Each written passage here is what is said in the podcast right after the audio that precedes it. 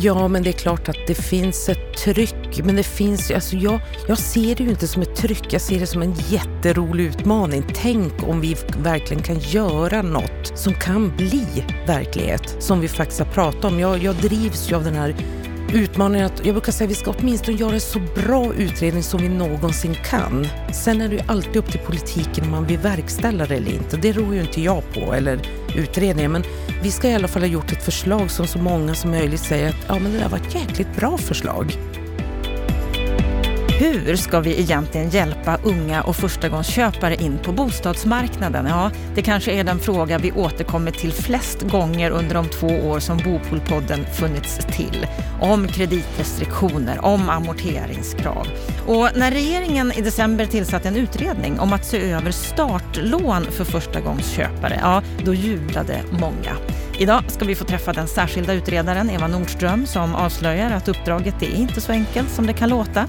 Det är en otroligt snabb utredning, ska vara klar redan i november, men att hon har stora förhoppningar om att kunna lägga ett förslag som politikerna kan klubba igenom. Men först är vi nyfikna på hennes jobb som VD för SKB, Stockholms kooperativa bostadsförening, och varför den kooperativa hyresrätten inte är en mer utbredd boendeform. Varmt välkommen till Bopolpodden. Vi har ett intressant avsnitt framför oss. Jag heter Anna Bellman och stort tack för att du lyssnar på just Bopolpodden.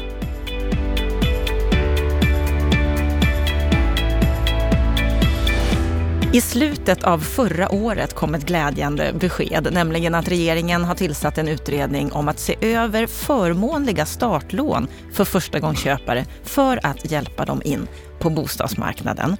Utredningen den ska vara klar nu i november i år och ett eh, färdigt system skulle kunna vara i bruk 2022.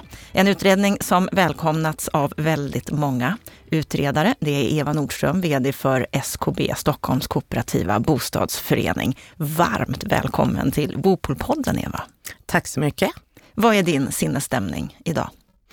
Nej, men min sinnesstämning idag är väldigt positiv. Jag eh, sitter ju till vardags hemma och jobbar och har nu fått komma till poddstudion så det känns ju nästan som att man är lite mm, på rymmen, ja. ska jag säga. ja, det är härligt, det är härligt att vi kan få ses fysiskt idag. Exakt, även med via avstånd och så. Men, eh, men eh, min sinnesstämning är väldigt god, ska jag säga. Mm. Du Eva, du har ju ett spännande uppdrag som utredare här då. Du är ju också VD för SKB. Du är mm. också norrlänning från början. Det tycker jag är väldigt härligt. Det är ju jag ja. också. Du är från Luleå och det hörs, det gillar jag. Du, eh, när det, alltså vi ska ju prata mycket om den här mm. utredningen som så många hoppas så mycket på. Det är ett mm. ansvarsfullt uppdrag.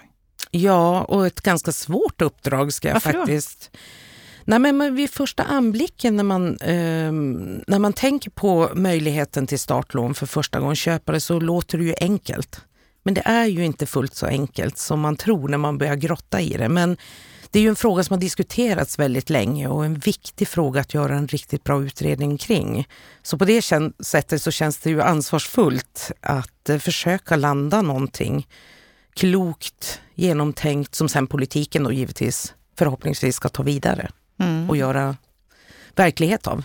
Och den ska vara klar i november? Den ska vara överlämnad senast den första november, så den ska faktiskt vara klar vid utgången av oktober. Så det är en extremt kort utredning Kommer ni också. hinna? Vår ambition är att vi ska hinna och vi jobbar ju på som vi bara kan och har gjort en tidsplan för att vi ska vara klara i slutet på oktober. Men det är en, en snäv tidsplan, det är det absolut. Inte ett så enkelt uppdrag på kort tid. Vi ska prata om den mm. här lite närmare, men först är jag lite nyfiken på SKB. Ja. Berätta. Vad vill du veta? Vad är det för någonting? Det här SKB, jag brukar köra den här um, eh, det, SKB bildades 1916 här i Stockholm och har sedan dess aldrig sålt en fastighet på 105 år. Eh, vi är en ekonomisk förening som ägs av medlemmarna. 92 000 medlemmar vi har i dagsläget 8115 lägenheter vid årsskiftet och det är kooperativa hyresrätter. Jag brukar enkelt förklara att det är ett mellanting mellan bostadsrätt och hyresrätt. Så det är ju inte en jättevanlig, det är ju en egen upplåtelseform, en egen lagstiftning, men inte en jättevanlig upplåtelseform Nej, den i är Sverige. inte så stor, den upplåtelseformen. Det finns inte så många lägenheter. Du har sagt mm. i en, en artikel att kooperativa hyresrätter är ett viktigt inslag i samhällsbygget. Varför är det det? Därför att jag tror på blandade upplåtelseformer. Jag tror på att man ska ha hyresrätter, bostadsrätter, kooperativa hyresrätter, villor och så vidare. Därför att allt passar ju inte alla, men något passar alltid någon som jag brukar säga. Och då är mångfalden viktig av olika bostadsformer. Och kooperativ hyresrätt har ju den fördelen att för de som kan spara ihop ett kapital men kanske inte vill belåna sig för en bostadsrätt. De kan ändå vara med och bidra med den här upplåtelseinsatsen som den heter och på det sättet få lägre hyra än en traditionell hyresrätt. Och det är därför det blir en mellanting. Men, men jag tror på blandning, jag tror det är det som är poängen. Det, jag, tror inte, jag har varit på bostadsrättssidan förut, jag tycker inte man ska säga att det ena eller det andra är bättre utan det är olika alla olika former passar vid olika tillfällen i livet eller i olika familjekonstellationer. Mm, och för, för, att bara berätta om din bakgrund lite grann. Då, du har bland annat varit näringspolitisk chef för kooperationens förhandlingsorganisation och VD för HSB. Mm. Som bakgrund. Så du har en lång erfarenhet av, mm. av olika upplåtelseformer. Varför är inte den här kooperativa större än vad det är Den kooperativa hyresrätten tänker du?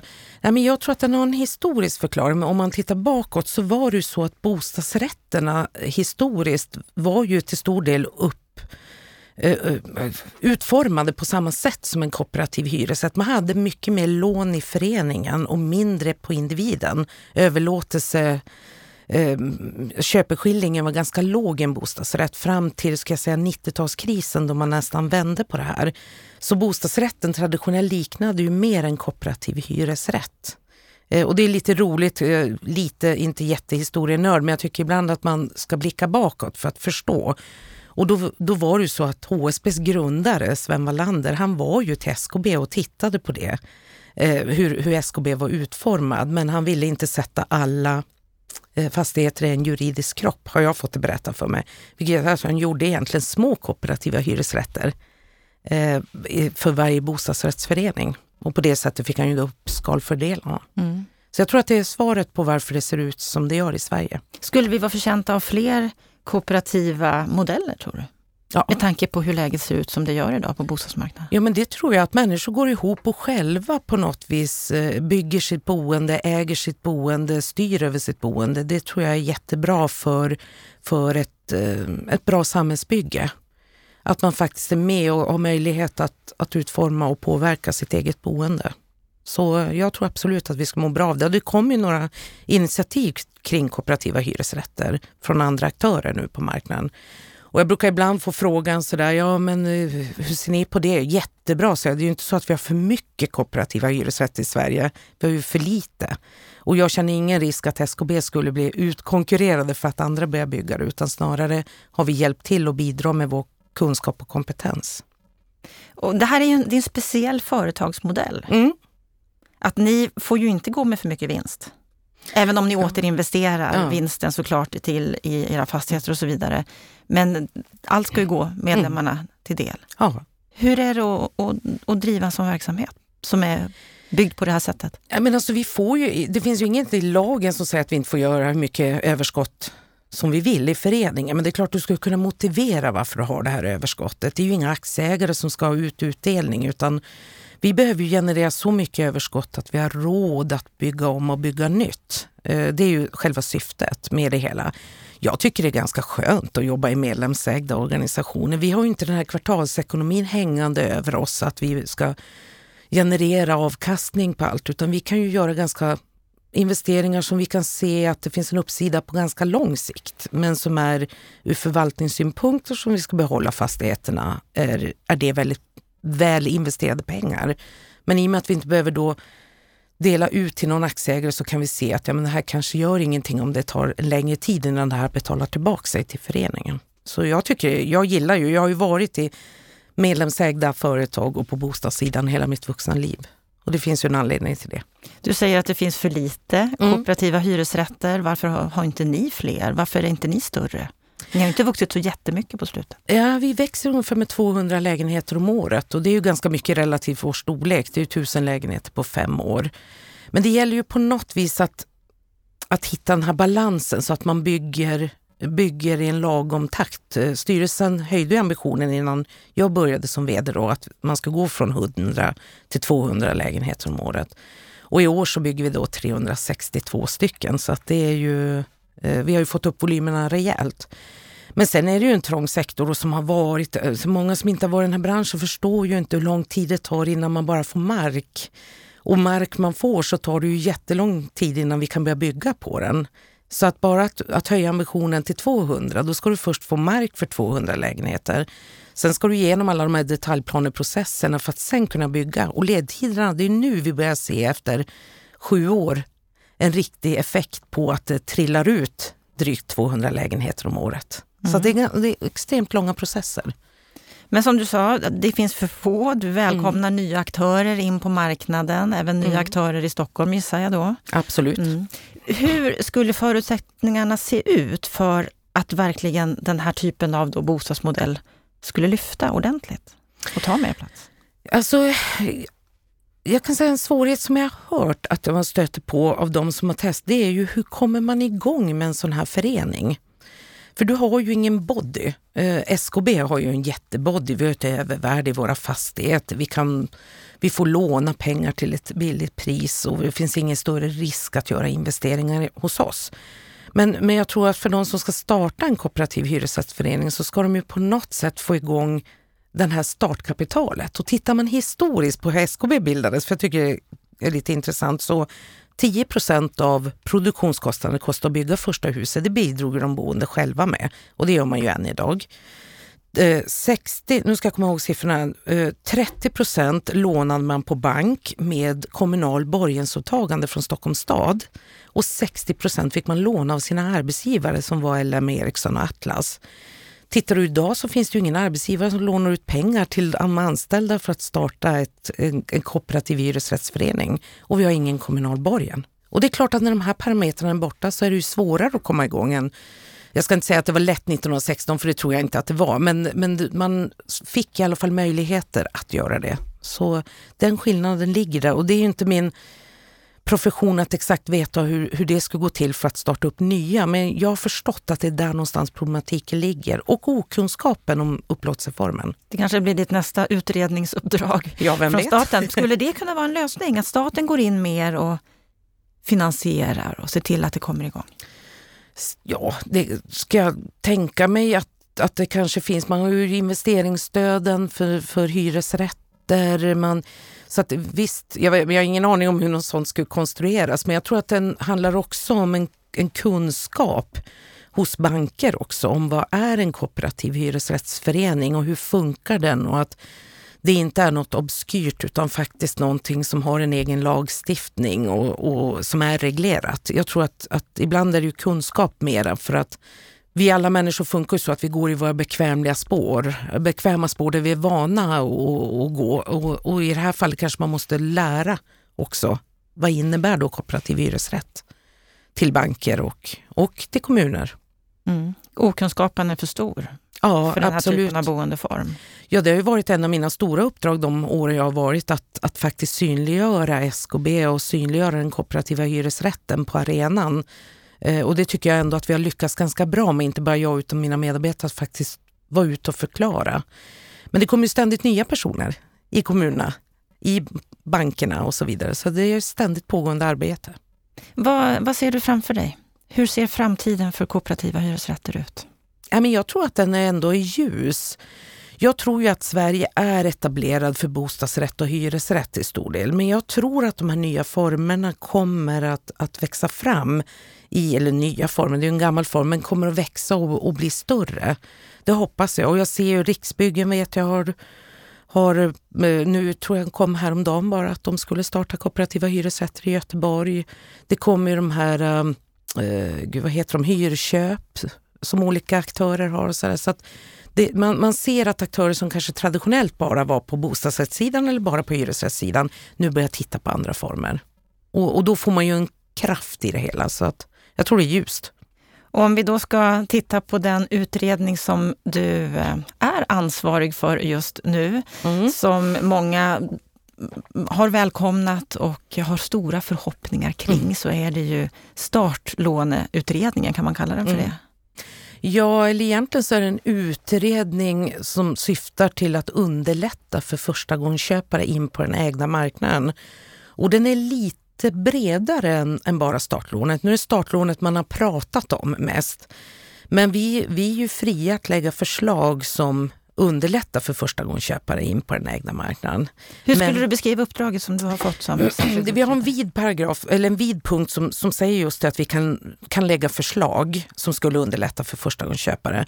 Men specifikt i, i utredningsuppdraget så säger man att vi ska lägga ett förslag på ett startlån riktat till förstagångsköpare. Och den är ju väldigt så här eh, tydlig och, eh, och mer definierad. Medan den andra handlar ju om att det kanske finns andra komponenter ihop med ett startlån som skulle göra det bättre för förstagångsköpare. Att är det det som gör att uppdraget är komplicerat, inte så enkelt som det vid första anblicken kan verka vara?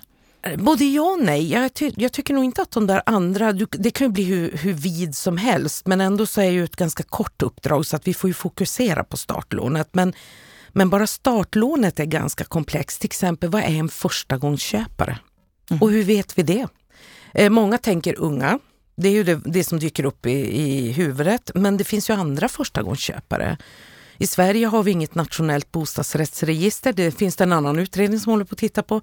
Det innebär hur ska vi veta att det här är en person som är förstagångsköpare och inte har ägt någonting sedan tidigare? Är det en stor fråga? Nej, men vi, vi har ett uppdrag att definiera vad en förstagångsköpare är och med det så måste vi ju landa i, i en definition av förstagångsköpare. Eh, sen om det finns statistik eller vi tittar på hur andra länder gör. Hur har man gjort det för att säkerställa att det här är en förstagångsköpare? Så att, men bara för att ta en liten komponent i startlånet så är ju det eh, bara det en utmaning att definiera.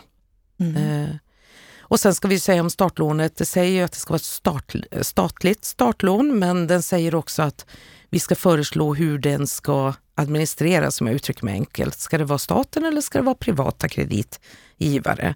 Och hur ska det, om det är staten, då i så fall finansieras och när det är eh, privata kreditgivare, hur ska det då se ut? Så att det, den är, blir ju större än vad man tror. Mm. En stor omfattande utredning och du har ju ett antal personer till din hjälp ja. som eh, jobbar dag och natt, höll jag på att säga, med det här. Ja, precis. Ja, jag har tre stycken eh, sekreterare, då, en huvudsekreterare och två eh, sekreterare som har som på hel och deltid sina uppdrag, sitt uppdrag då, att jobba med den här utredningen. Så min, min roll är att leda det och sen så kommer det ju också finnas en expertgrupp som det alltid finns som med kompetenser från många olika håll in i en utredning. Just för att det inte är så enkelt. Det kan vara så att man skruvar i en ände på någonting så ger det en konsekvens i en annan ände som man inte har tänkt på. Och det är precis det som gör utredningar så roliga men också så svåra. Hur långt har ni kommit skulle du säga? Vi har kommit en bit på väg. Vi håller på med insamlande fas. Vi har ju träffat jättemycket aktörer både i, i bostadssektorn, bankerna, eh, mäklarsidan och andra aktörer för att samla in så mycket kunskap och kompetens och idéer som vi någonsin kan, kan eh, lyckas fånga in. Och sen har vi nu påbörjar vi en analysfas eh, då när vi ska analysera och börja tratta ner det här till någon form av huvudförslag som sen ska konsekvensanalys, vi ska göra konsekvensanalys kring och så vidare. Så att eh, just nu, har vi, nu, just nu är vi i det här stadiet all over the place som man brukar säga. Det, det är jättemånga olika ingångar, olika vinklar. Men jag vet också med min erfarenhet att sånt här trattar ihop sig med tiden. Så att eh, du är inte särskilt orolig för att ni inte ska... Nej, det är jag inte. Jag tycker att tre jättekompetenta och duktiga personer som både kommer från finanssidan men också från bostadssidan. Så Vad skulle du säga att era ambitioner är? Nej, men våra ambitioner är att komma med ett så bra och genomarbetat förslag att politiken kan ta det vidare och göra lag av det. Och på det sättet eh, få det här, sätta det här i, i sjön så att vi kan börja användas av våra förstagångsköpare. Mm. Det skulle kunna vara så att vi har en ny lag i bruk 2022. Ja, det är, det är ju, vi, ja, det är ju jättesnabbt. Det är ju, vi överlämnar ju det här till, till politiken och sen så ska ju politiken ta den vidare då. Men, men ambitionen ska ju vara att det ska komma fram ett bra förslag. Känner du att du har ett stort tryck på dig? För det här är ju en fråga som inom bostadspolitiken och vi som samtalar om de här ämnena, vi återkommer ju till kontantinsats och kreditrestriktioner hela tiden. Mm. Ja, men det är klart att det finns ett tryck. Men det finns alltså jag, jag ser det ju inte som ett tryck, jag ser det som en jätterolig utmaning. Tänk om vi verkligen kan göra något som kan bli verklighet som vi faktiskt har pratat om. Jag, jag drivs ju av den här utmaningen att jag brukar säga att vi ska åtminstone göra en så bra utredning som vi någonsin kan. Sen är det ju alltid upp till politiken om man vill verkställa det eller inte. Det rår ju inte jag på, eller utredningen. Men, men vi ska i alla fall ha gjort ett förslag som så många som möjligt säger att ja, men det där var ett jäkligt bra förslag. Mm. Många är ju kritiska till hur politiken har agerat hittills när det gäller kreditrestriktioner. Mm. Kan du hålla med om den kritiken? att det är för svårt idag för förstagångsköpare eller för unga att ta sig in på bostadsmarknaden? Ja, men det är ju en utmaning eh, att, att ta sig in för personer som inte befinner sig på bostadsmarknaden. Men de har säkert sina, hur ska jag säga, sina argument och sina tankar kring varför kreditrestriktionerna ser ut som de gör och amorteringskravet och bolånetaket och så vidare. Vi har ju vår utredning att utgå från att de här är oförändrade. Eh, så att vi får ju, vi får ju föreslå eh, förändringar som möjliggör ett startlån. Men vår utredning handlar ju väldigt mycket om att den här kontantinsatsen på 15 procent är ju ganska mycket pengar, framförallt i storstadsområden framförallt, men även i medelstora städer som Luleå där jag kommer ifrån är ju inte 15 procent på köpeskillingen jätteenkelt att få ihop heller. Och man ser att det då hanteras via blankolån som är dyrt. Eh, och det är ju här någonstans man, man får också se att vi, vi har en eh, pusselbit. Men, men bostadspolitiken är betydligt mer komplex och större Så när det så. gäller kreditrestriktionerna kommer ni ni får inte göra något åt dem eller föreslå att de ska Det står så här i utredningsdirektivet att vi ska utgå från att de är oförändrade. Mm. Kommer ni göra det då? eller kommer du föreslå? Ja, vi får väl se vad vi landar i lite kring den här första punkten i utredningsdirektivet som där vi får föreslå andra åtgärder som, eh, som skulle underlätta för förstagångsköparna att ta sig in på den ägda marknaden. Eh, så att vi, vi håller på, jag vill inte föregå vår utredning, så att vi håller på och lägger ett pussel och, och det du säger det är ju också sånt som vi har har fångat upp i de här intervjuerna, att det finns ju synpunkter på kreditrestriktionerna i sin helhet. Så är det ju. Mm, ganska eh, kraftiga ja. sådana. Hur oberoende är ni från Finansinspektionen?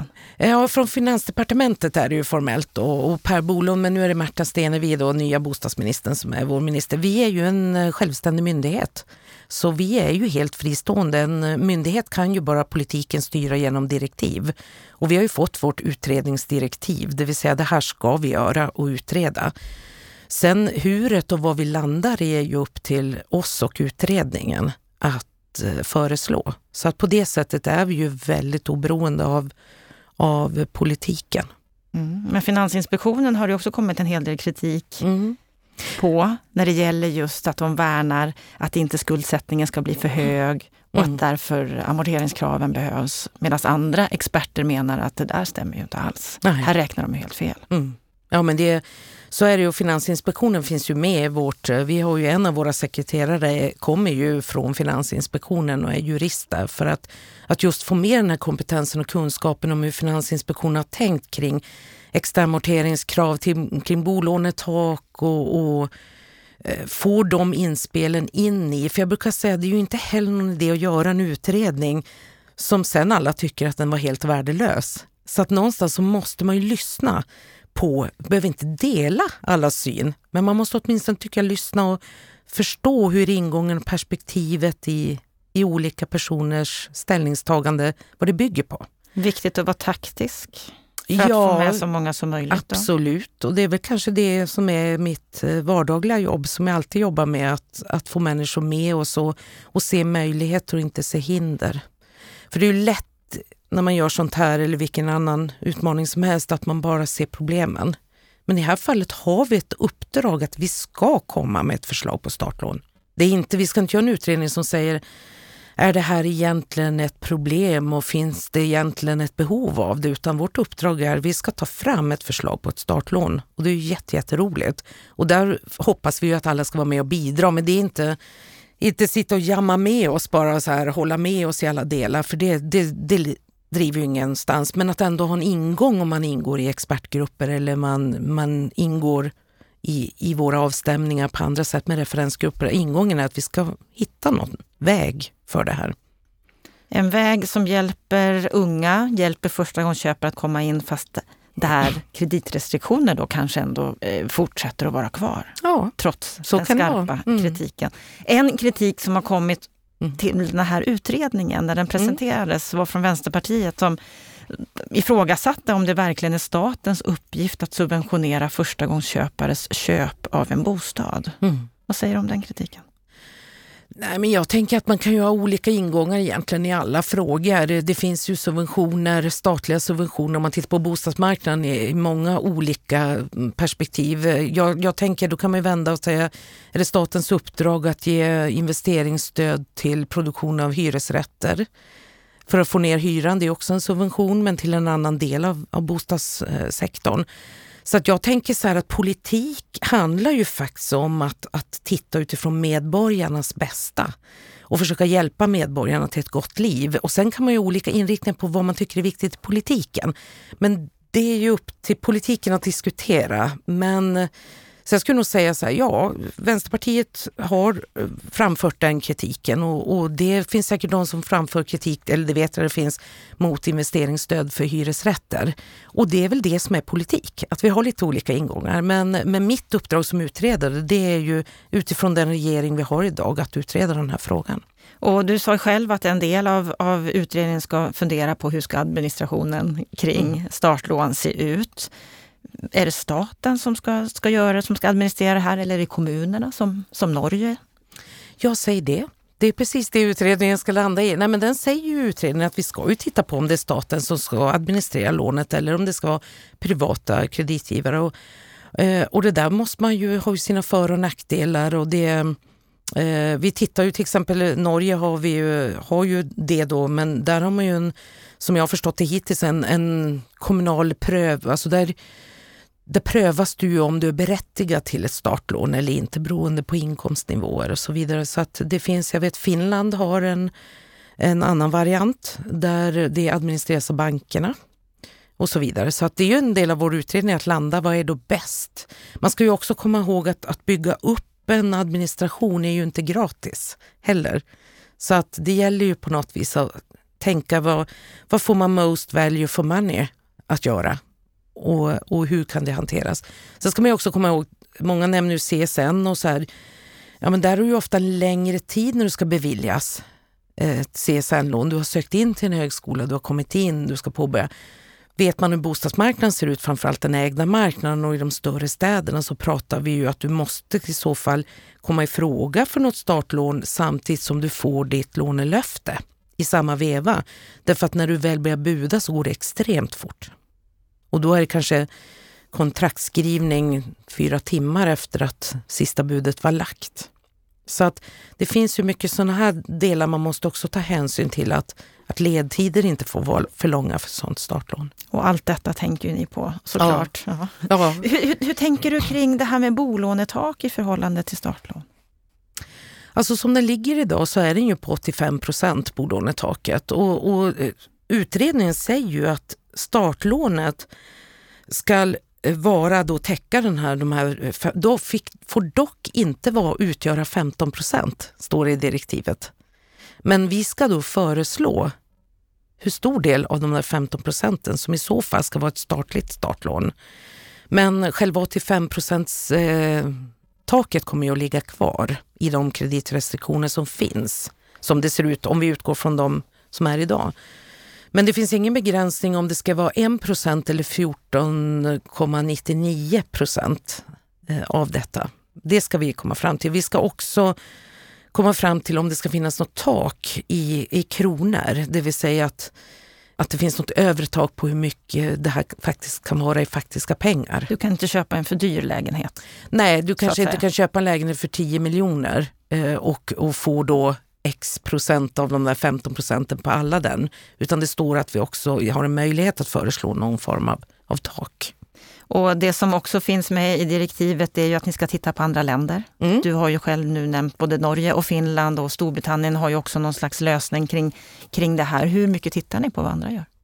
Alltså vi tittar ju på, eh, på ett antal länder. Just nu håller vi på att kartlägga vilka länder vi finner mest intressant att fördjupa oss i.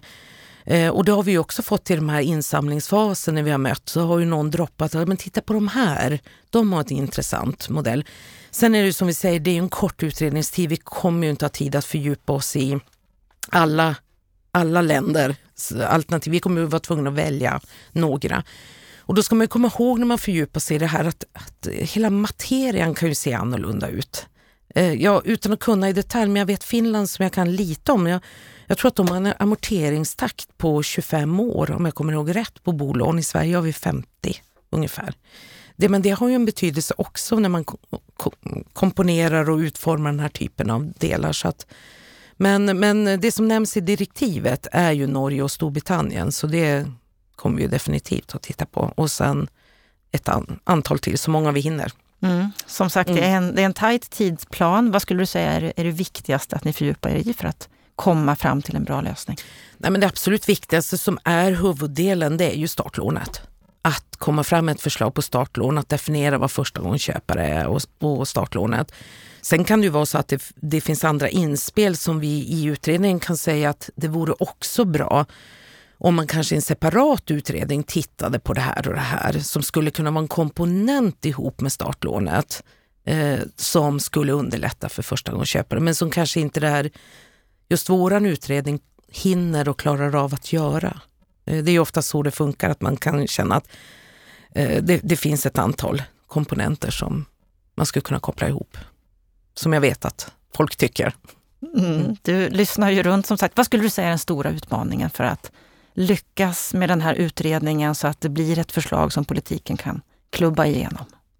Jag tror att den stora utmaningen det är att utforma den, att dels definiera vilken grupp det är som kommer i fråga för det här, volymer och storlekar och så. Men, men det tror jag ändå, sen, sen en komponent som är så viktig att hålla koll på det är att det här inte blir prisdrivande, för det gynnar ju ingen. Om ett startlån gör att prisbilden sticker uppåt, då, då urholkar man ju ganska snabbt själva idén med startlånet. Så att det är ju en utmaning och, och utmaningen ligger ju i att vi som bor här i Stockholm, vi, tittar på, vi, vi är oftast ganska Stockholmsfokuserade, även om jag är Luleåbo från början. Eh, och där gäller det att vi ska titta på hur det här ser ut på nationell bas. För det är ju också viktigt att komma ihåg att vi har olika preferenser vart vi bor i landet. Vi har olika marknader vi utgår ifrån. Och det är jätteviktigt då att vara med, ha med i det här. Och vi har också ett uppdrag att titta på hur bankerna bedömer förstagångsköparna. Och det är en, en del utredning som är flyttad från eh, Carolina Skogs utredning om social bostadspolitik. Den är flyttad till den här där vi ska kartlägga hur bankerna då bedömer kreditgivare. Och jag, mycket av diskussionen har ju varit nu om den, den här kalp, eh, kalkylen, då, kvar att leva på-kalkylen som bankerna använder. Och har varit väldigt stor dominant del i de inspel vi också har fått kring det hela. Så där kan ni komma med förslag på att de där borde vara betydligt lägre? vi fördjupar oss i alla fall i hur de ska se ut och hur, framförallt hur de, hur de kommer de till. Hur landar man i att det ska räknas på 6-7 procent? Mm. När räntan ser helt annorlunda ja, ut. Mm. Man måste ju förstå de här komponenterna och vi är i en väldigt kunskapsintensiv tid nu där vi försöker förstå hur det här hänger ihop. Och vem beslutar över saker och ting egentligen? Så. Det är många frågor, mm. vi har inga svar. Nej. Inga som du vill ge i alla fall just Nej, nu. inte just nu, lite men, tidigt, men det kommer ju att komma senare. Så vi kan komma tillbaka när det börjar vara lite mera... Eh, vårt upp, vi har väl sagt att vi ska försöka vara så öppna och transparenta under den här perioden som vi bara kan. Att faktiskt försöka testa förslag. När vi har börjat landa i vad förslagen börjar likna, då så efter sommaren, då kanske vi kan ja, få lite tankar? det tror jag. Efter sommaren kommer vi absolut att ha...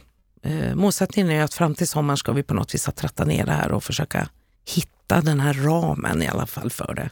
Mm, och så ler du lite, det ja. syns att du gillar det här. Ja, jag gillar Ett det här. spännande uppdrag. Ja. Känn trycket på axlarna, för det är ja, många som det. förväntar sig mycket.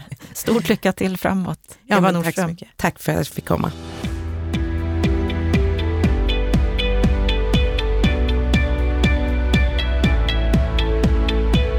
Då har vi hört samtalet med Eva Nordström. Lennart Weiss, vad säger du om det här samtalet? Mm, ja, först måste jag få göra en personlig kommentar.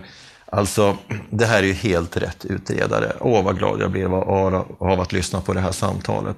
Och samtidigt så blir jag lite irriterad på mig själv varför vi inte hade med Eva i den socialdemokratiska expertgruppen, för hon är ju socialdemokrat, Eva.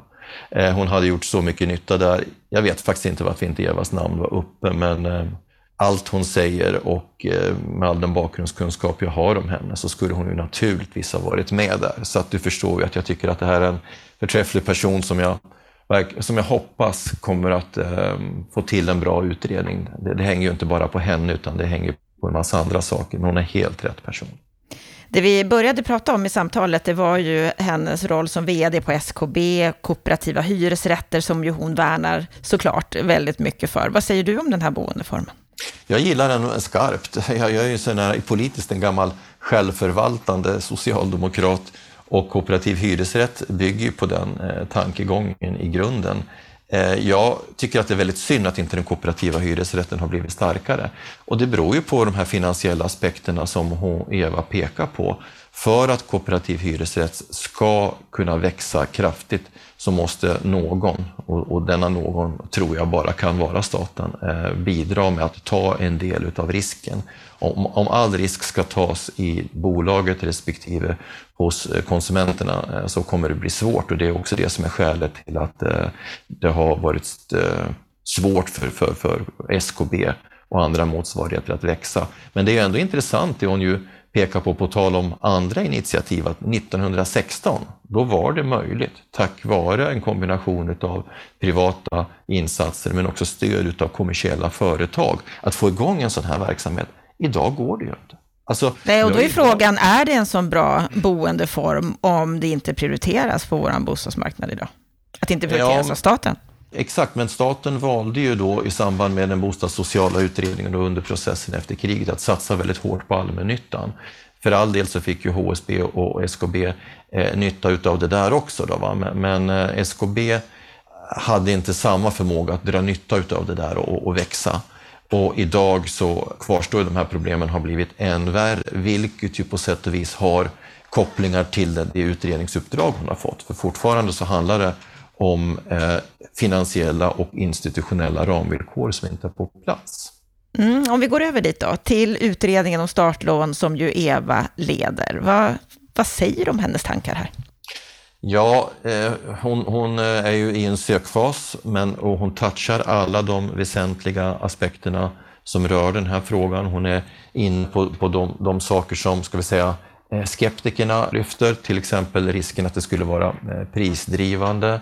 Här har du kopplingen till kreditrestriktionerna som uppenbarligen är en begränsning. Eh, hon gav ju ett tydligt svar på den punkten och det var ju att de kommer nog inte att ge sig på att föreslå förändringarna utav, av kreditrestriktioner utan snarare föreslå kompensationsåtgärder och det är väl ungefär vad jag har trott också, att man snarare går den vägen. Men, men vad som är min allmänna reflektion, det är att hon säger så här att eh, startlånen ska vara en pusselbit i den större bostadspolitiken. Och när man eh, reflekterar över det så kan man säga att det som är den svenska bostadspolitikens grundläggande problem, det är att man ännu 30 år efter, efter det att den generella bostadspolitiken, den utbudsdrivna bostadspolitiken avvecklades, ännu inte har ett ramverk för en efterfrågestyrd bostadsmarknad. Och då måste jag få ta det här en gång till. Vi hade alltså massor med myndigheter för att transferera ut kapital, reglera bostadsstandarden, ange produktionsvolymer länsvis via länsbostadsnämnderna för att staten via finansiellt stöd skulle driva bostadsbyggandet. Allt det där avvecklades under 90-talet och istället så blev det hushållens efterfrågan som i grunden skulle driva bostadsbyggandet. Då säger det sig ju självt att i en marknadsekonomi där hushållen har olika finansiella förutsättningar så måste det typ någon, någon annan typ av fördelningspolitiska åtgärder som stöttar de svaga hushållen. Och när då Eva nu är ute och tittar på exempel på hur man reglerar startlån i andra länder, då kommer hon att upptäcka att startlånen sitter ihop med ett större institutionellt ramverk just för att en efterfrågestyrd bostadsmarknad ska fungera. Norrmännen har sin husbank som i sin tur är kopplad till Eh, kommunerna som transfererar de här medlen och så har de ett antal andra verktyg. Och på samma sätt är det i Australien, Storbritannien. Jag tror att Eva måste reflektera lite över hur det här ska sitta ihop. Hon gör en parallell till CSN-lånet och det är bra att hon gör det. Alltså ett startlån måste hänga ihop med andra aspekter på hur systemet som helhet ska fungera och jag tror att det är en pusselbit. Därför att det vi, har, det vi kan konstatera, Anna, det är ju att med Eh, den här politiska förflyttningen vi har fått utav bostadspolitiken, från politiken själv till myndigheterna, så fullgör ju inte längre Finansinspektionen det som är deras första uppdrag, nämligen att svara för fungerande finansiella marknader. Den som inte har kapital idag kan inte komma in på marknaden. Du och jag skulle inte kunna bli fastighetsaktörer idag. Det kapitalet finns inte. Vi är bortblockade på grund av olika riskreglementen. Och det här leder ju till att kapital eh, cementeras hos de som redan har det och när det gäller bostadspolitiken så får vi en allt växande generationsklyfta. Och den här generationsklyftan, då måste den kompenseras med andra politiska åtgärder. Så när man tänker på hur man ska utforma ett startlånesystem, då måste man fundera på hur ska det hänga ihop i en större kontext? Och, och, och det, det, som bör vara den grundläggande utgångspunkten, det är att vi har fördelningsproblem, vi har generationsklyftor och vi behöver skapa förutsättningar att konsumenter på en öppen marknad ska kunna efterfråga Eh, de bostäder de behöver. Och då tror jag att man förutom startlån måste reflektera över bosparande. Man måste kunna bygga upp kapital och man kanske också måste fundera som norrmännen gör med egen kapitaltillskott. Därför att det är trots allt så, Anna, att den billigaste delen av bostadsmarknaden är den ägda och dit, de dörrarna måste man öppna för olika grupper av människor. Vi var ju inne på det här som du också nämnde nu med kreditrestriktioner, att hon troligtvis inte kommer att röra det systemet, utan att startlån blir på något sätt en kompensation för det system vi redan har. Jag frågade ju om hennes beroende av Finansinspektionen och så. Hur, hur ser du på den här konflikten, om man får säga så? Ja, jag tror att hon ska förhålla sig till den eh, på det sättet som uppdraget är formulerat. Att ge sig in i någon större diskussion om kreditrestriktionerna utformning och så. Eh, jag tror man ska hålla sig på ett övergripande plan och konstatera att kreditrestriktionerna har förstärkt generationsklyftan och förstärkt eh, de yngres inträde i bostadsmarknaden. Och när jag pratar om de yngre så observera, jag pratar aldrig om 20-åringar, jag pratar om ungdomar i familjebildande ålder. Och, och, och det här träffar ju en intressant frågeställning för hon är ju inne och funderar vem är förstagångsköpare? Ja, är det den som köper som singel som är den viktigaste målgruppen eller är det paret som ska sätta bo? Jag tycker själv att det, det är, lite, eh, att det är värt att fundera lite över det därför att, därför att eh, det kanske är så att man ska acceptera att en del ungdomar då få bo hemma hos föräldrarna en längre stund eller i studentrum. Men när man, det, det, är när man ska gå ut i vuxenlivet och börja bilda familj som man måste ha förutsättningar att komma in i bostadsmarknaden. Och då konstaterar jag bara att andra länder har ett livscykelperspektiv på bostadspolitiken, det vill säga man sänker trösklarna i framkant just när man är i 25-35 års åldern. Och sen kickar det in obligatoriska amorteringskrav som gör att risken över tid ska minska. Men lite märkligt också att ha ett system där våra ungdomar ska bo hemma tills de är 25-27. Det blir inte heller ja. hållbart. Nej, jag, jag, håller väl e-, egentligen med om det. Men, men, men, om man säger så här då, det som, det som är den principiellt viktiga aspekten eh, på det hela, det är hur skapar man förutsättningar för hushållen att själva lösa sina problem? Det förutsätter sparande och någon typ av eh, inträdeshjälp. Sparandet är en punkt, det är bosparande, det är kopplat till bosparande och, och startlån kopplat till att sänka trösklarna. Andra länder har amorteringsfrihet de första fem åren. Sen kickar amorteringarna in. Så du måste anlägga ett generationsperspektiv, ett livscykelperspektiv. Annars så kommer det bli svårt att lägga åtgärder som blir verkningsfulla. Mm, det här är någonting som vi vill prata länge om och det gör vi nu också. Har du något kort medskick till Eva? Se upp för att lägga krontalsbegränsningar. Det vore väldigt olyckligt därför att då kommer startlånen inte att spela någon roll i storstäderna. Utan fundera istället så här, att man för varje marknadsgeografi i Sverige snarare säger att vi ska inte ge startlån till de dyraste objekten i A-delen utav marknaden, men däremot i B, C-delen. Då får man acceptera att man ger ett högre startlån i Stockholms Göteborgsregionen än vad man gör i, i, eh, från Norrbotten, där eh, Eva är ifrån, skulle lägga ett krontal, då blir liksom eh, startlånet alldeles verkningslöst i de dyrare marknaderna. Det är det ena. Och det andra är att jag tycker man ska våga ifrågasätta det här resonemanget om att ett startlån skulle vara prisdrivande. Jag må anta att det skulle vara det då, med någon enstaka procentenhet. Men det spelar ju ingen roll, därför att den här gruppen som vi pratar om, deras trösklar in på bostadsmarknaden kommer ju att minska. Om sen andra gruppers trösklar kommer att öka något, ja då pratar vi i så fall om grupper som redan har en gynnad ställning. Hela idén med fördelningspolitik är att man gynnar en grupp i förhållande till en annan. Det här prisdrivningsperspektivet, det, det är sånt här snack som nationalekonomerna håller på med och det är ett argument som de lyfter fram, för de vill inte ha den här typen av lösningar. De vill ha ren marknadsekonomi där folk får klara sig själva. Och, och det vet jag att det synsättet delar inte Eva överhuvudtaget och inte jag heller vad Eva kommer fram till och hennes team, det får vi veta senast första november ska det lämnas över, men redan efter sommaren så kan vi få glutta lite på förlåten och se vad det är det kommer att landa i. Då har vi hört samtalet med Eva Nordström och Lennart Weiss kommentar. Då är det dags för en repris av veckans Aktuellt som vi sände i fredags. I veckans Aktuellt så vill vi börja med en så att säga fortsättning på det som Lennart Weiss har startat i media, att gå ut och säga att underkonsulter inte riktigt sköter sig på det sätt som de ska. I Expressen kan vi läsa om larmet byggsektorn tas över av kriminella. Det är byggbemanningsföretagen som går ut i en debattartikel här och pratar om att den svenska modellen har drabbats av tunga bakslag. Att nu ser vi skadorna i form av en delvis urspårad arbetsmarknad.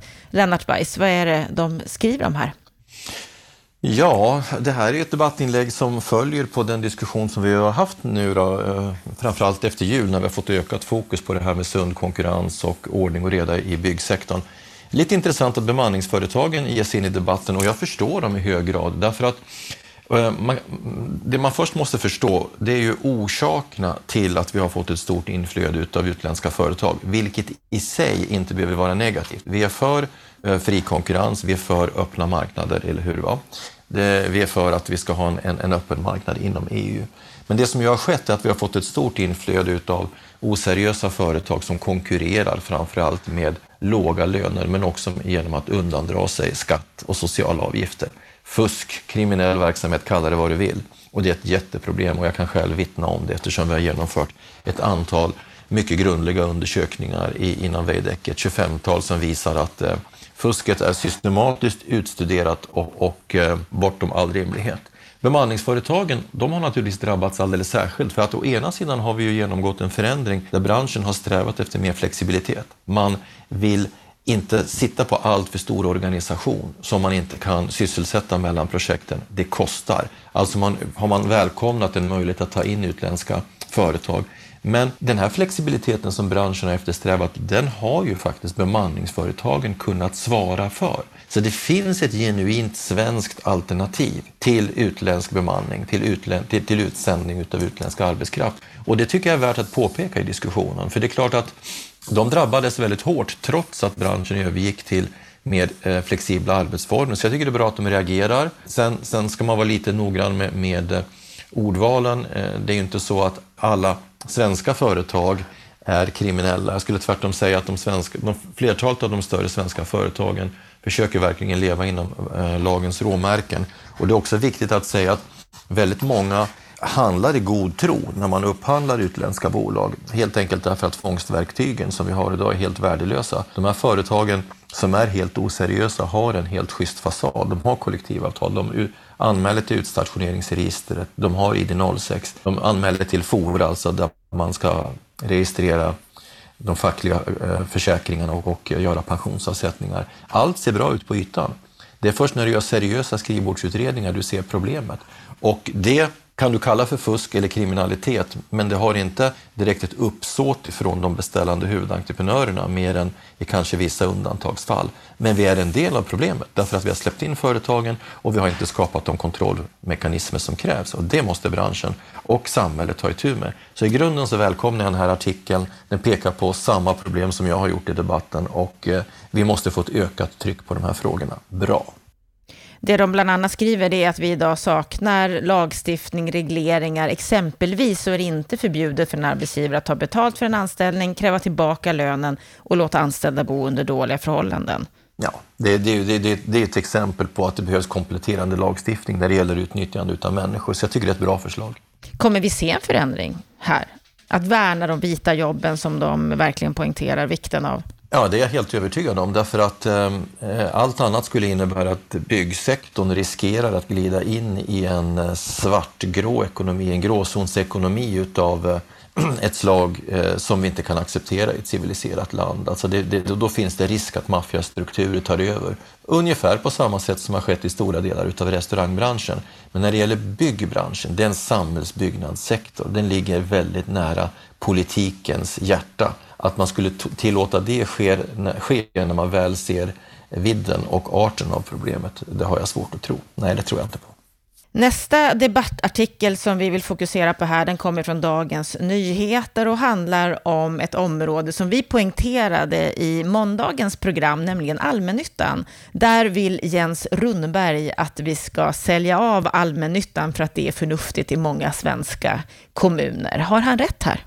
Ja, jag tycker han är slarvig med eh, nyanseringarna. Han använder Skellefteå som utgångspunkt för den här artikeln som ju belyser en, en lokalpolitisk träta när kommunen ville sälja av en del av sitt bestånd till Samhällsbyggnadsbolaget. Och det tar han till intäkt för att det skulle vara okej okay eller, eller samhällspolitiskt eh, välkommet att lägga ner allmännyttan. Det måste man ju ändå säga är en, en, en, en väldigt långt dragen slutsats på en skala som innehåller väldigt många nyanser. Han har rätt i att det kan vara sunt för den lokala bostadsmarknaden att kommunen säljer av en del av sitt bestånd, speciellt i stadsdelar där man har på grund av miljonprogrammets eh, sätt att, att byggas, när man har fått en, fått en, en, en överkoncentration utav eh, hyresbostäder, speciellt i allmännyttans regi. Om man skulle ombilda en del av de där till bostadsrätt, om man skulle sälja av en del till privata fastighetsägare, så skulle man ju tvärtom få till stånd en mer differentierad lokal bostadsmarknad och det är bra, samtidigt som man frigör kapital för att bygga nytt. Och att sälja en del för att få kapital att bygga nytt, det är ju i linje med allmännyttans uppdrag att vara en motor i bostadsbyggandet. Men att lägga ner allmännyttan, det skulle ju totalt strida mot det uppdrag som eh, kommunerna har ifrån statsmakterna. Vi ska ju komma ihåg att kommunerna har i lagstiftningen fått uppdraget att svara för bostadsförsörjningen. Och det handlar ju om mer än att bara eh, få fram byggbar mark, planlagd mark. Det handlar ju också om att, att bo, använda olika typer av instrument som bostadsförmedling, eh, samhällsplanering av olika slag och också att hålla sina kommunala bolag under armarna.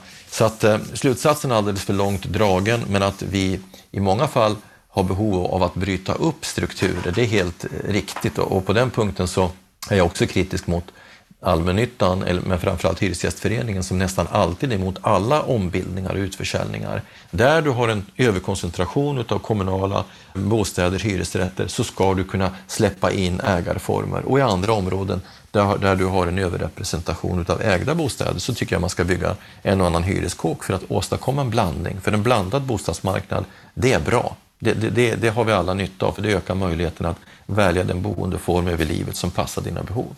Så att sälja av delar av allmännyttan? Ja, delar. Men att göra som vissa kommuner har gjort i Sverige, sälja av alltihopa, det har ju också visat sig få enorma konsekvenser. Det har ju själva Eh, medborgarna i de här kommunerna förstått, eh, Nacka och Vaxholm och vad det nu är. nu hittar man inga bostäder åt sina ungdomar, nu får de bo kvar hemma istället. Och de här kommunerna har ju jättesvårt att hantera behovet av sociala förturer, bostäder till hemlösa, människor med särskilda behov, utan det, det, det skiter man ju ärligt talat i och låter grannkommunen ta hand om. Och det är ju helt oseriöst och otillständigt eh, att bete sig på det sättet. Vi ska gå vidare till en debattartikel i Svenska Dagbladet. Det är Elisabeth Andersson som är reporter och redaktör där som menar att arkitekturbråket är en ren pseudodebatt. Arkitekterna de är en elit som tvingar på folk tråkiga lådor, men hotet kommer egentligen från ett annat håll, den statliga utredningen som vill göra det möjligt att mangla ut serieproducerade hus, bland annat, skriver hon. Ja, vad säger du om det här? Ja, och i andra änden så hittade vi också en artikel som visar att Upplands Väsby ville bygga mer utav klassisk arkitektur. Eh, och det hade vi faktiskt en liten eh, spaning på för några veckor sedan. Ehm, det var, det var egentligen samma grundtema fast i Göteborg där politikerna går i bräschen och har gått emot sin förvaltning och, och förkastade ett gestaltningsprogram och ville istället bygga med klassisk arkitektur. Jättespännande att den här debatten dyker upp och, och intressant att det är ofta politiker som tar initiativ till en gestaltningsdebatt och så finns det andra som, som, som ställer sig på andra sidan och tycker att politikerna ska inte lägga sig i. Elisabeth Andersson som har skrivit det här, hon har ju fått några priser från Sveriges arkitekter, så hon representerar ju väldigt mycket i stor utsträckning det synsätt som finns hos Sveriges arkitekter. Och, och går vi upp lite i helikoptern och försöker se debattfältet från ovanifrån så kan vi säga att vi har idag en ganska polariserad debatt om arkitektur där Sveriges arkitekter står i ena ringhörnan och försvarar samtida arkitektur och kan jag tycka ett, eh, ofta, att man går väldigt långt i att försvara det som jag själv tycker är en ganska ensartad och, och tråkig och, och, likriktad arkitektur. Och i andra ändan arkitekturupproret som egentligen vill bygga eh, 1800-talshus i, i vartenda gathörn. Det är liksom två ytterligheter och jag förstärker dem naturligtvis lite med min retorik här. Det som är lite intressant tycker jag, det är att på marken så börjar ju debatten, eller ska vi säga, så, så finns det strömningar som försöker förena de här två ståndpunkterna.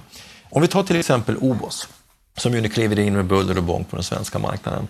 De har ju presenterat ett oerhört intressant koncept tycker jag, där man å ena sidan har jobbat väldigt intensivt på att få fram standardiserade typhus som är effektiva att producera och som därmed kan produceras för fler marknader. Och samtidigt har de tagit fram ett gestaltningsprogram som gör det möjligt att, att producera, fortfarande inom ekonomins eh, råmärken, hus som efterliknar olika typer av klassisk arkitektur just för att möjliggöra att deras standardiserade typhus ska kunna placeras i väldigt känsliga miljöer där det, där det, det liksom skulle innebära en brutalisering utav hela stadsbyggandet om man bara smäller ner en, en, en vit fyrkantig låda. Det här är ett uttryck för att, att Obos gör så, det är ett uttryck för att det finns ett marknadstryck i den riktningen. Och, då, och med marknad menar jag i det här fallet konsumenter, människor, allmänhet men uppenbarligen också från politikerna. Så att jag tycker att eh, Elisabeth Andersson missar vad som håller på att ske inom industrin själv. Vi som är i byggsektorn får ofta kritik för att byggkostnaderna är höga. Ja, då måste vi parera det med att klara av att eh, standardisera olika byggdelar. Eh, och för det behöver vi typgodkännande så att vi kan producera längre serier i fabrik. Och samtidigt så får vi kritik för att vi producerar tråkiga, trista produkter utan någon, någon högre gestaltningsmässig kvalitet. Vi måste få ihop de här två sakerna. Och Obos är ett, ett, exempel på ett företag som har kommit långt i det och jag ser att det är fler som är på väg i samma riktning. Så att jag skulle nog säga att Elisabeth Andersson är inte riktigt uppdaterad med, med vad som sker inom branschen. Hon kliver in i en väldigt polariserad debatt och tar själv en ytterlighetsposition som inte gagnar eh, en vidare framdrivning utav bra synteser och kompromisser. Debatten lär ju i alla fall fortsätta, för man kan ju inte säga att vi är riktigt framme än, där alla parter är nöjda. Nej, jag är själv känslomässigt engagerad i, på, i det på olika sätt och jag säger alltid att jag är ingen expert på det här området, men jag kan säga att jag själv undviker vissa kvarter i Stockholm som jag tycker är så oerhört fula och trista till sin karaktär och föredrar att andra gator och kvarter som ger mig en skönhetsupplevelse. Vi människor mår bra utav skönhet. Men självklart så måste vi samtidigt producera hus som möter ekonomiska krav och det är den här typen av goda kompromisser som debatten, branschen, eh, politiker och, många stadsbyggnadskontor strävar efter nu och det ska vi välkomna. Vi ska avsluta veckans Aktuellt med en artikel som du har skrivit, Lennart, i Fastighetstidningen i veckan. Har marknaden råd med marknadshyror? Förhoppningar om att fria marknadshyror i nyproduktionen ska leda till en revolution på marknaden kan förbytas i besvikelse, menar du. Vad menar du då? Jag menar att de som med närmast revolutionär glöd driver debatten om marknadshyror förbiser ett antal saker. För det första så är nyproducerade hyresrätter med de hyror som, som man levererar till marknaden idag på väldigt höga nivåer. Så höga att i alla kommuner som har ökat utbudet kraftigt så ser man en, en väldigt snabbt avtagande efterfrågan. Köerna blir kolossalt korta, så pass korta att om man skulle fortsätta att upprätthålla ett högt utbud så kommer man att få tomma lägenheter. Det är liksom inte särskilt attraktivt att flytta in i en eh, tvåa för 9-10 000 kronor i månaden och en trea för 12 13 14 000 kronor. Vad marknadshyresförespråkarna förbiser det är ju att de här hyresbostäderna som produceras idag till de här hyrorna kommer ju bli ännu dyrare av en liten omständighet som heter kommunala subventioner som kommer att försvinna. Därför att det är ett faktum att i stort sett överallt där det byggs hyresbostäder i någon större omfattning så betalar inte eh, byggarna, vare sig det är kommersiella aktörer eller, eller allmännyttan, marknadsmässigt pris för marken. Man får marken via tomträtt till kraftigt subventionerade priser, ofta till 30-50 procent av den nivå som som bostadsrättsbyggare eller eh, byggare av eh, egna hem får betala. Och det är ju självklart att den typen av eh, gynnad prissättning kommer att försvinna om vi får marknadshyror. Man kan ju inte, man kan inte subventionera en marknadsprissatt produkt. Och då kommer hyrorna i de här bostäderna bli så höga att efterfrågan kommer försvinna. Så vill man göra det ägda boendet en tjänst, då ska man ju verkligen agera för marknadshyror därför att det kommer vara väldigt få som kommer vara intresserade av att bo eh, i en trea för 17-18 000 kronor i månaden, i varje fall inte särskilt länge. Så att den här ekonomiska logiken är det väldigt få som förstår. Då får jag en replik av Martin Lindvall på Twitter som säger att bostäder kommer naturligtvis alltid att hyressättas efter marknadens behov. Men, men det Martin bortser ifrån, det är att tar du bort marksubventionen, då kommer man inte få ihop kalkylen. I varje fall inte i storstädernas eh, mer attraktiva lägen. Då kommer de områdena helt tas över av ägda bostäder. Eh, men, så att jag, jag, skulle säga att marknadshyresdebatten präglas av brist på analys. Fråga de stora fastighetsägarna vad de vill. Det är ju att man istället förlänger presumtionssystemet eller att man ser över bruksvärdesystemet så att marknadsmekanismer får ett större genomslag. Och man förbiser ju också att i takt med att äldre billiga hyresrätter byggs om så kommer ju de att träffas så att säga eh, nyproduktionsnivån. Så vill man värna hyresrätten då ska man välja mer pragmatiska eh, linjer som att se över förhandlingssystemet, se över bruksvärdesystemet. Men det är väldigt få i den kommersiella sektorn som på allvar är för marknadshyror när man beaktar de eh, ekonomiska konsekvenserna som uppstår om man genomför en sån här politik. Och titta bara på Tyskland. Berlin, som ju ofta har framhållits då som, som en förebild. Ja, vad händer när du har ett system med marknadshyror och social housing i andra änden? Nu går man in och så, så lägger man ett hyresstopp, ett hyrestak. Alltså, bostadspolitiken är en förlängning av välfärdspolitiken. En del av byggandet av ett socialt rättfärdigt samhälle. Om, ett, eh, om, om en sån marknad går överstyr, då kommer politikerna att ingripa på ena eller andra sättet. Alltså är det bättre att reformera det vi har än att riva upp gatstenarna. Alla typer av revolutioner eh, har den tendensen att de misslyckas och de misslyckas, Anna, därför att man inte gjorde en, en riktigt väl genomtänkt konsekvensanalys innan man började bygga barrikader. Ja, vad som egentligen krävs för att vi ska få till ett bra startlån för att vi ska hjälpa unga och förstagångsköpare in på bostadsmarknaden, det vet vi inte riktigt än. Vi kan ju inte föregå utredningen, men vi vet att mycket är på gång i alla fall och förhoppningsvis så kommer vi se ett riktigt bra förslag där första november som politikerna kan klubba igenom. Stort tack för att du har lyssnat på Bopolpodden den här veckan. Är det så att du vill förkovra dig? Ja, då kan du gå in på bostadspolitik.se där det finns många artiklar och kröniker och rapporter att läsa.